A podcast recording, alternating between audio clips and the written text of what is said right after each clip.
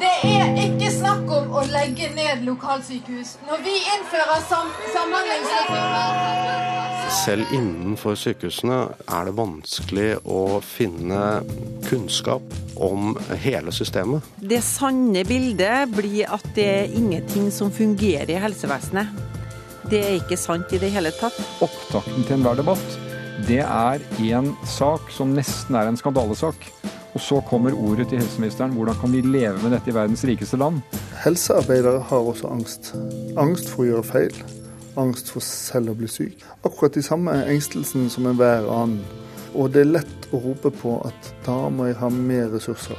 Norsk sykehusvesen rommer mange historier som journalister bringer videre. Men hvor representativ er journalistikken, og evner mediene å få fram helheten? Kurer. NRK P2.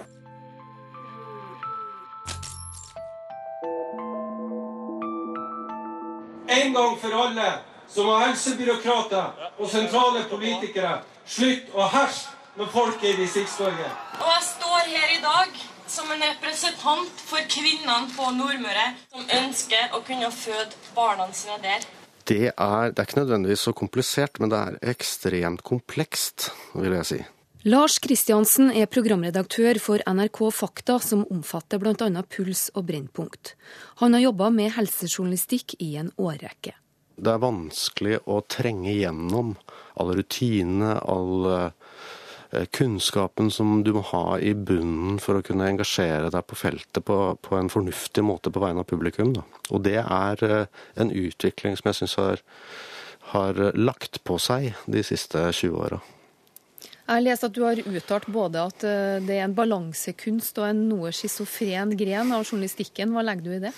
Jo, jeg syns jo på mange vis at en slags, en slags tabloid diagnose av nå-situasjonen er at journalistikken på livsstilsfeltet er kanskje litt overvektig, og journalistikken på uh, sykehusfeltet, eller foretaksfeltet, uh, er litt anemisk. Hvorfor er det sånn? Det er jo, det er flere grunner til det, selvfølgelig. Men det er klart at det er viktig at journalistikken tar livsstilssykdommer og livsstilsskader og den kunnskapen vi har fått om det, på alvor. Men så har det parallelt vært sånn at sykehusstrukturen har blitt mye, mye mer kompleks. Den har lånt gjennom de siste 20 årene en drøss med virkemidler fra næringslivet. Og det er en internasjonal trend. Men det har også gjort at det har blitt store foretak med kompliserte styringssystemer som med mange økonomiske insentiver inni seg, men ikke inni et reelt kommersielt marked. Sånn at de insentivene virker ikke akkurat sånn som vi er vant til at de virker. Og det gjør at for å engasjere seg på det feltet som journalist nå, så må man gjøre det ofte og lenge for å ha kunnskap nok til å kunne dra nytte ut av de informasjonene man får på vegne av publikum. Da. Og det er rett og slett vanskelig, altså. Så du mener at det må være spesiali spesialiserte journalister som dekker dette feltet? Jeg tror i hvert fall at skal det dekkes med kompetanse og rettferdighet, så må det gjøres over tid, ja. Og det er jo et komplisert felt i og for seg, i en medieverden som nå, akkurat nå i hvert fall er i ganske sånn raske endringer. Hvilke utfordringer er det vanlig å møte på når man skal dekke sykehusstoff? Jeg tror den største utfordringen er at selv innenfor sykehusene, eller foretakene som nå helst skal hete, er det, er det vanskelig å finne kunnskap om hele systemet. Nettopp fordi det er blitt så sammensatt. slik at de kilde, kildenettverket du må ha, det må være mye større enn det var i gamle dager. Man kan ikke gå ett sted og få den kunnskapen man trenger. Et godt eksempel er at hvis man skal legge ned en fødestue et sted rundt omkring i landet, så blir det jo gjerne litt oppstyr rundt det. Og som journalist så er det nesten umulig å dekke det på en kompetent måte uten å ha gått inn i tallene for hvor mange fødsler trenger man i året per lege for at legen skal være kompetent til å gjøre en god behandling. Og hva betyr reiseveien for komplikasjonene? Det er, det er, områder, typiske ganske lett iøynefallende områder, som man må gå inn i for å forstå den problemstillingen. Men så er jo neste felt at man må også forstå hvorfor ligger den fødestua akkurat der, og hvorfor er det ikke nok fødsler på den fødestua. Hva tenkte de når de opprettet den, og hva tenker de nå når de skal legge den ned. Det er ganske vanskelige ting. Det nytter ikke egentlig da bare å gå ut og dekke demonstrasjonen, fordi da har man ikke budt på mye kunnskap, altså.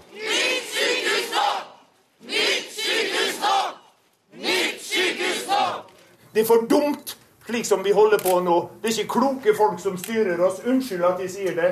Å ligge fastspent i timevis i en ambulanse under en fødsel, det er ikke noe jeg ville gjort i hvert fall. Nei. Kunnskapen, den grunnleggende kunnskapen hos journalister om helse, den er for å si det forsiktig ganske spredt. Tidligere helseminister Jonas Gahr Støre har måttet tåle mye kritikk i media for styringa av norsk helsevesen. Eh, det er ikke veldig mange fagjournalister på helse i de norske store mediene. Det er noen få, hederlige unntak, som jevnlig oppdaterer seg, følger fagdebatter. Eh, det finnes fagtidsskrifter, selvfølgelig, men tar vi de store TV-kanalene og de store avishusene, så er det ikke veldig mange som følger helse eh, dypt. Og Da blir det ofte nyhetsjournalistikk som preger det. Og så vet vi at det er mange sterke interessekrefter både på pasientsiden, Eh, på, på, på, mange andre sider rundt det helsebordet. Og de eh, bruker dyktige informasjonsrådgivere til å forsøke å forme de historiene journalistene forteller. Det er jo en av de tingene disse såkalte PR-rådgiverne driver med. og å selge inn de perspektivene. Og da blir ofte journalistene budbringere for budskap som kommer fra grupper med spesielle interesser. Og det er en helseministers jobb, det er å forsøke å skille mellom det og si at er dette en sak som handler om en allmenn problem, eller er det en interesse som ønsker å få fram sin sak, men ikke helt tør å stå fram med den. Du har vært inne på det, men det er jo profesjonsstrid, det er personlige interesser, det er kampen for egne arbeidsplasser også involvert i en del av disse prosessene.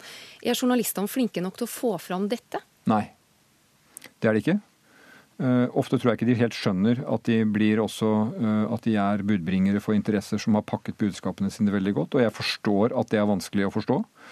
Og Derfor så er det de eh, journalistene som eh, både kan helse, men også kan en god del annet om hvordan samfunnet vårt er bygget opp, som kan se igjennom alt dette. For at her er det bildet som danner seg i, eh, i mediene, veldig viktig for den stemningen som bygger seg opp når neste budsjett skal behandles, når neste lovgivning skal behandles. Så her har grupper med mye interesser og ofte mye ressurser en stor interesse av å forsøke å, å påvirke det, eh, det, bildet. Programredaktør Kristiansen i NRK er usikker på om norske helsejournalister er bevisste nok på intervjuobjektenes motiver. Det syns jeg det er vanskelig å si noe sikkert om. Altså Det jeg vet, er at i våre redaksjoner som jobber med dette, som både kan være Brennpunkt iblant, og Puls iblant, og radioprogrammer som Ekko iblant, så er nok diskusjonen Den går ganske høyt om dette. Men det er jo en primær eh, mål for oss å kartlegge kildenes motiver. Og da er det spesielt eh, innenfor dette feltet kanskje på to områder hvor vi må være enda flinkere. og Det ene er eh, profesjonene i helsevesenet, og den andre er produsentene av medisin. På begge felt så kan man som journalist eh, utsettes for ganske kraftig påvirkning uten at man egentlig oppdager det, hvis ikke man er veldig bevisst på det. Også. Mange ansatte i Kristiansund sitter igjen med en oppfatning av at konklusjonene har vært klare på forhånd, og at prosessene har blitt tilpasset det ønskede utfall. Jeg, jeg som tillitsvalgt jeg har ikke lov til å oppfordre om dette her. Men hør hva jeg sier. Bråk er det eneste Arbeiderpartiet lytter til. Jeg syns at kunnskapsnivået til journalister som dekker helsevesenet er høyt, eh, stort sett. Eli By er forbundsleder i Norges sykepleierforbund. Det er selvfølgelig varierende, men jeg har et inntrykk av at helsejournalister et, er svært dedikert, på samme måte som helsepersonell er. Journalistikkens oppgave er jo å gjerne finne konfliktstoffet. Hvordan påvirker det bildet folk sitter igjen med av det norske helsevesenet? Det er jo klart at eh, det sanne bildet blir at det er ingenting som fungerer i helsevesenet. Det er ikke sant i det hele tatt. Det er veldig mye bra som foregår i helsevesenet, både på kommunenivå, men også inne i sykehusene. Og vi må passe oss for at vi, at vi ikke bare er kritiske, men at vi også klarer å få frem de gode sakene.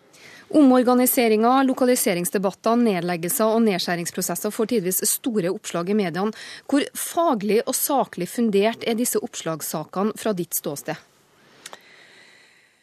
Det er svært varierende, og jeg tenker at eh, de lokale kreftene alltid vil være opptatt av å ivareta plasser, eh, arbeidsplassene uten at det alltid er faglig fundert. Mens vår oppgave må, som fagforbund og Norsk Sykepleierforbund må være at vi er opptatt av den faglige, forsvarlige praksisen døgnet rundt. Og så er det sånn at det, det ikke er mulig å opprettholde eh, sånn type forhold til ting lokalt, og da det Da må vi ta rollen på å løfte det ett hakk opp. Ser du at helsearbeidere tidvis bruker uberettiga faglige argumenter når de kjemper for egne arbeidsplasser og, for, eh, og mot nedskjæringsprosesser? Jeg tenker at de argumentene som de bruker faglig er berettiga, men at eh, når det handler om lokale diskusjoner i forhold til nedskjæringer og nedleggelser og sånn, så blir det ofte det personlige, altså eh, det helt private, som, som man da fokuserer på istedenfor det faglige. Kurer. Kurer. NRK P2. Du vet, altså Både du og jeg vi har en angst for å dø, angst for å bli alvorlig syk, angst for å få det vondt. Og Det, det tenker jeg, det er ikke journalistene unntatt fra. Gunnar Bovim har bakgrunn som lege, sykehusdirektør ved St. Olavs hospital i Trondheim og direktør for Helse Midt-Norge. Han er nå rektor ved NTNU. Bovim mener sykehusjournalistikk handler mye om angst. Av og til så tenker jeg at eh, når man velger vinkler inn i problemstillinger, eller man velger hvordan man skal beskrive en komplisert sak, så har man glemt å ta oppgjør med sin egen angst. Fordi at det kan påvirke alt med vinkling, alt med kommentarer og alt med hvordan man ender ut. Du sier at også ansatte i helsevesenet er nødt til å håndtere sin angst. Hva legger du i det? Jo, helsearbeidere har også angst. Angst for å gjøre feil angst for selv å bli syk, angst for akkurat de samme engstelsene som enhver annen. Eh, og det er lett å rope på at da må jeg ha mer ressurser. Og husk på at leger og sykepleiere og annet helsepersonell er rekruttert på, ut fra at de har en stor empatisk evne. De vil vel. Og når de ser at de må gjøre prioriteringer, eller de ser at de klarer ikke å gjøre så mye vel som de egentlig kunne ønske seg, så er den enkleste måten å komme ut av det på, det er å få flere kolleger mer ressurser, sånn at vi kan hjelpe flere. Det er en naturlig ryggmargsrefleks. Det er helt eh, opplagt god løsning hvis man bare ser det perspektivet. Både By i Sykepleierforbundet og tidligere helseminister Støre støtter Bovims syn. Det tror jeg han kan ha mye rett i. Eh, og derfor så er det jo det at hvis man kunne ha hatt fokus på de tingene som man faktisk lykkes med, så tenker jeg at det hadde kunnet vært med å bygge opp eh, troverdigheten, og det at vi faktisk har et godt helsevesen som vi gjerne vil satse videre på. Altså, Det er vanskelig å ikke være enig med Gunnar Bovim, for at han har sittet så tett på og sett dette både fra innsiden og tett på som, som leder av denne viktige regionen midt i Norge. Så det har nok han rett i, når han sier det på den måten. Uh, og, og, det har jo fascinert meg noen ganger i møte med journalister som jobber med en sak, at det de som driver dem her, er at de har opplevd en mor eh, som fikk den type behandling som ikke var det de hadde ventet. Altså veldig personlige erfaringer. Eh, jeg vil ikke kritisere det, men, men, men igjen så er det, er det det at det som ligger bak og driver at ting blir en historie, eh, det er det som regel interesser som ligger bak og forsøker å spre. Fra de veldig personlige til de mer organiserte. Det er helt forferdelig. De vet ikke hvordan det er å bo på landet byer og sånn, så har de alt de trenger, og der er folk for å opprettholde det, men på landet så forsvinner det. Enkelthistorier brukes mye for å gjøre opp status i helsevesenet. Det er flere grunner til det, sier programredaktør for NRK Fakta, Lars Kristiansen. Det er sånn av to grunner, tror jeg. Den ene er at eh, det er den iøynefallende og enkleste inngangen til eh, helsestoffet. Man får mye kunnskap gjennom Eh, pasienter som møter helsevesenet, og hvordan de møter det. Den andre eller årsaken er nok at det å gå fra pasientcaset og forklaringen rundt det, til den mer strukturelle forståelsen av hvorfor det har blitt sånn og hvordan det har blitt sånn, det er en veldig lang og vanskelig vei. Og da må man ha jobbet med det feltet en stund for å komme seg fram, rett og slett. Både Gunnar Bovim og Jonas Gahr Støre er kritiske til deler av denne enkeltskjebnejournalistikken. Altså, jeg har mange veldig positive opplevelser med helsejournalister. Jeg har stort sett snakket varmt om at det er en viktig profesjon for oss som helseledere og helsetjenester å forholde seg åpent til og godt til. Erfaringen min er at eh, det er sterkt behov for å nå leserne eller nå lytterne med enkelthistorier. Gode enkelthistorier, gode beskrivelser. Men det er ikke alltid at de er representative. Og det kan til og med hende at de enkelthistoriene får for stor plass i forhold til hele bildet. Og det er krevende for helsetjenesten, det er krevende for befolkningen å forstå, og det er krevende for journalistene å få det frem. Hvordan oppleves disse enkeltskjebnene for en sjef eh, på toppen? Jeg opplever mange enkeltskjebner som viktige historier i de verdivalgene helsetjenesten skal gjøre. Og jeg tror alle som er i helsetjenesten kjenner til det. Samtidig så er det jo av og til enkelthistorier, f.eks. om en eh, feil som er gjort, eller en eh, samtale som ikke har gått godt, eh, får så stor plass at vi ikke våger å stå for at helsetjenesten stort sett fungerer godt. Stort sett så er de fleste møtene mellom helsetjeneste og pasient gode møter, viktige møter, som, som, på en måte er viktig for at pasienten skal bli bedre eller takle sin kroniske sykdom, eller forstå at, at livet blir annerledes fra nå av. Er journalistene kritiske nok før de eh, presenterer disse enkeltskjebnene? Ja, altså, journalister er ofte kritiske på jakt etter f.eks. feil som er gjort. Det er bra, det gjør at helsetjenesten blir bedre, og vi er helt avhengig av at en del ting avdekkes som ellers ville blitt tildekket. og, og Derfor så gjør kritiske journalister en viktig jobb sånn. Det som jeg tenker er at journalister kanskje ikke er kritiske nok overfor sin egen angst eller for lesernes angst, og derfor alltid vil tendere til at uh, man ender opp med at her må det mer ressurser til, eller her er det viktig at vi får Her burde man ta seg mer sammen, eller sånt som ikke nødvendigvis bidrar til bedre helsetjeneste.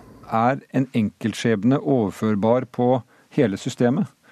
Eh, og jeg tror at når vi har et gratis helsevesen, stort sett, eh, når vi er i stand til å gjøre eh, stadig mer for å hjelpe oss med sykdom og problemer, så får vi også flere historier hvor det går ikke som vi hadde håpet.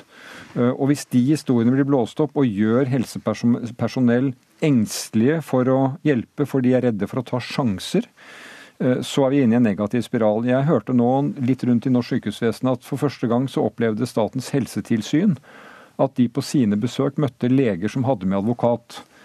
Og Det er en farlig tegn, for da er vi inne på det at eh, en lege, et sykepleier, helsepersonell vil si at de reserverer seg mot å gjøre ting som er uh, usikkert, fordi de kan bli sittende igjen med et for stort ansvar. Og det uh, tror jeg at disse enkeltreportasjene som ofte ikke tar nyanser, men som kjører veldig endimensjonalt, kan, kan vanskeliggjøre. Hvordan er det å bli konfrontert med enkeltskjebner som politiker og helseminister? Det blir du som helseminister hver dag, også utenfor eh, medienes søkelys. Det er jo et møte med enkeltskjebner. Eh, de som er syke, de som hjelper de syke. Det handler jo om å møte hvert enkelt menneske. Det er iallfall mitt mantra som eh, politiker. Og Det handler om å forsøke å være veldig til stede for de fortellingene. Forstå hva dette mennesket har opplevd. Se om det er noe i det forløpet vi kan bidra til å gjøre bedre gjennom helsepolitikken. Noen ganger være med på å forklare at her kan vi ikke gjøre mer. Altså Her har man gjort så mye som det er mulig å gjøre. Så det er jo raden av enkeltmøter. Men jeg syns jo ofte at de store helsepolitiske debattene om komplekse forhold i måten sykehusene våre virker på, f.eks drevet av én enkelthistorie, det blir ofte veldig feil utgangspunkt. Og det som slo meg særlig i valgkampen, er at opptakten til enhver debatt, det er én sak som nesten er en skandalesak. Og så kommer ordet til helseministeren hvordan kan vi leve med dette i verdens rikeste land? Vel, da er det iallfall et ganske langt stykke fram til at vi sitter og diskuterer hvordan kan vi gjøre sykehusene våre enda bedre. Er vi flinke nok til å ta disse prinsipielle debattene? Noen av dem syns jeg er ganske bra. Eh, og igjen, jeg tror at det ligger en ubendig klokskap hos folk hvis de bare får informasjonen godt presentert. Det er ingen som kan sitte rundt et middagsbord og tro at vi har penger til alt. Eh, det er en utrolig sunn fornuft hos nordmenn på det. Men da må de også få presentert de, de sidene som gjør at, at, man kan tenke i retning av valg. Kurer. Jeg har opplevd at pasientsikkerheten eh, står i fare hos enkelte pasienter. Jeg ville ikke hatt noen bekymring med å bli lagt inn på Ahus i dag, hvis det hadde vært behov for det. Feilbehandling, oppsigelser, rot med pasientoppfølging og mye mer har gjentatte ganger fått journalister til å koble ordet skandale til helseregionen i Sør-Øst. Programredaktør Kristiansen mener pressedekninga kunne vært bedre. Vi tar et terningkast? Det er nok ikke så lett å, å gi på stående fot, altså. Men eh, jeg syns jo i hvert fall Jeg tror i hvert fall at det at pressedekningen har vært ganske intens, har nok gjort at oppmerksomheten rundt driftsform har blitt større i, i styrene og i ledelsene for, for Helse Sør-Øst enn det det ellers ville ha vært. Um, så kan jeg si at det gikk f.eks. ganske lang tid før man fikk avdekket reelle tall rundt driften av deler av Helse Sør-Øst. Eh, og der kunne nok media vært flinkere til å etterspørre og mer pågående i forhold til å få ut hva effektene av den omorganiseringen var tidligere. da. By i Sykepleierforbundet håper bråket kan bane vei for bedre omstillingsprosesser. Og nettopp fordi at det på eh, styrenivå blir gjort vedtak uten å faktisk utrede konsekvensene i god nok grad før man starter sånne store omorganiseringer som det har vært, som har vært bakgrunnen for debattene, så tenker jeg at eh, her har man i hvert fall godt kunne ha gått inn og lært noen ting av det man ikke gjorde bra sist? Jeg sa som nytiltrådt helseminister at jeg mente at den prosessen var for dårlig utredet og mangelfullt gjennomført. Eh, jeg mener den var riktig eh, ut fra hva som var situasjonen. Og jeg har ikke møtt mange i Helse-Norge som mener at man skal reversere tilbake til der man var. Men den reformen hadde jo den utfordringen at de som var satt til å gjennomføre den, altså Oslo universitetssykehus som hoveddrift og Helse Sør-Øst, nok ikke gjorde tilstrekkelig for å forankre eh, prosessen, målet og retningen og meningen med det, det, vi gjorde. Og Da lå det jo til rette selvfølgelig for pressen å rapportere på det som ble eh, vanskelig. Jeg mener at de har blåst opp de vanskelighetene i mange sammenhenger. Media har makt til å påvirke beslutningsprosesser, sier tidligere sykehus- og helseregiondirektør Gunnar Bovim. Han viser igjen til angsten. Det er jo ikke sånn at vi er fritatt for angst. Det er sånn at vi også har angsten for å gjøre feil, eller angsten for, for vår egen sykdom og alt det her. Så vi blir også påvirket av enkelthistorier. Heldigvis, og dessverre. Heldigvis i den forstand at det er veldig viktig at vi skjønner at det er mennesker vi arbeider med. Dessverre i den forstand at hver gang vi tar en enkelthistorie innover oss og snur ressurser, så er det mange mennesker på andre enden som vi ikke ser, og som ikke appellerer til oss på den måten de kanskje burde. Og Det typiske er jo den aksjonen vi hadde i høst, der um, den store TV-aksjonen var for demente pasienter. Som er så lite eh, aktive selv for å påpeke hvor vanskelig livet kan være. Som er, som er en så lite aktiv pressgruppe som i forhold til andre pressgrupper. Sånn, vi må ikke glemme at enkelthistorier en, kan oppleves som pressgruppe. Og vi må avdempe oss i forhold til å gi bare pressgruppene rom. Tror ikke jeg følte angst eller frykt. Altså jeg, jeg opplevde jo den ja, frykten, kan du si, at uh, til syvende og sist er helseministeren ansvarlig for alt som går bra og alt som ikke går bra i Helse-Norge. Så når noe ikke går bra, så kan jeg jo i en kveldstime tenke at vel, vel, uh, dette er jo jeg som har ansvaret for. Men hvis, hvis, det knekker meg, så må jeg finne en annen jobb. Og jeg syns det var fortsatt veldig meningsfullt å få lov til å jobbe med å prøve å gjøre noe med det som var feil, og bygge på alt det som er eh, bedre. Men eh, vi er bare mennesker, og la oss huske på at i helse så står det om liv og død, intet mindre. Lars Kristiansen mener Bovims beskrivelse av en angstprega dekning av helsevesenet bør tas på alvor. Jeg tror det er på mange måter både en interessant eh, diagnose og eh, Eh, og en diagnose som bør få konsekvenser. i hvert fall. Nå tror jeg at angsten er større på helseforetakssiden og på pasientsiden enn den er på journalistsiden. Det tror jeg nok. Eh, det står mer på spill både for helseforetaket og for pasienten enn det gjør for journalisten. Men eh, det er vel opplest og vedtatt at ingen gjør en spesielt godt, god jobb i en angstsituasjon. Eh, og jeg syns nok at noe av de reaksjonene vi møter iblant når vi kommer løpende, er angstpreget. Dvs. Si de, de preget altså av, av frykt eller eh, fluktreaksjoner, snarere enn et eh, åpent samarbeid om, eh, om informasjonen. da. Og, og det er ikke spesielt heldig, syns jeg. Og Noen ganger så må det jo sies at denne angsten til helsearbeiderne også er berettiget. Ja, det, det, står som sagt mye på spill. Både renommé og i det siste har jo også hoder rullet i helsevesenet iblant. sånn at eh, det er ikke noe tvil om det. Samtidig så tenker jeg at det er jo en eh, type oppmerksomhet som både helsevesen, politi og andre etater som utøver arbeid med stor eh, effekt for liv og helse, må, må rigge seg for å finne seg i. da. Helseministeren snur og freder fødeavdelinger og akuttilbud på fire lokalsykehus inntil videre. Glede i Kristiansund.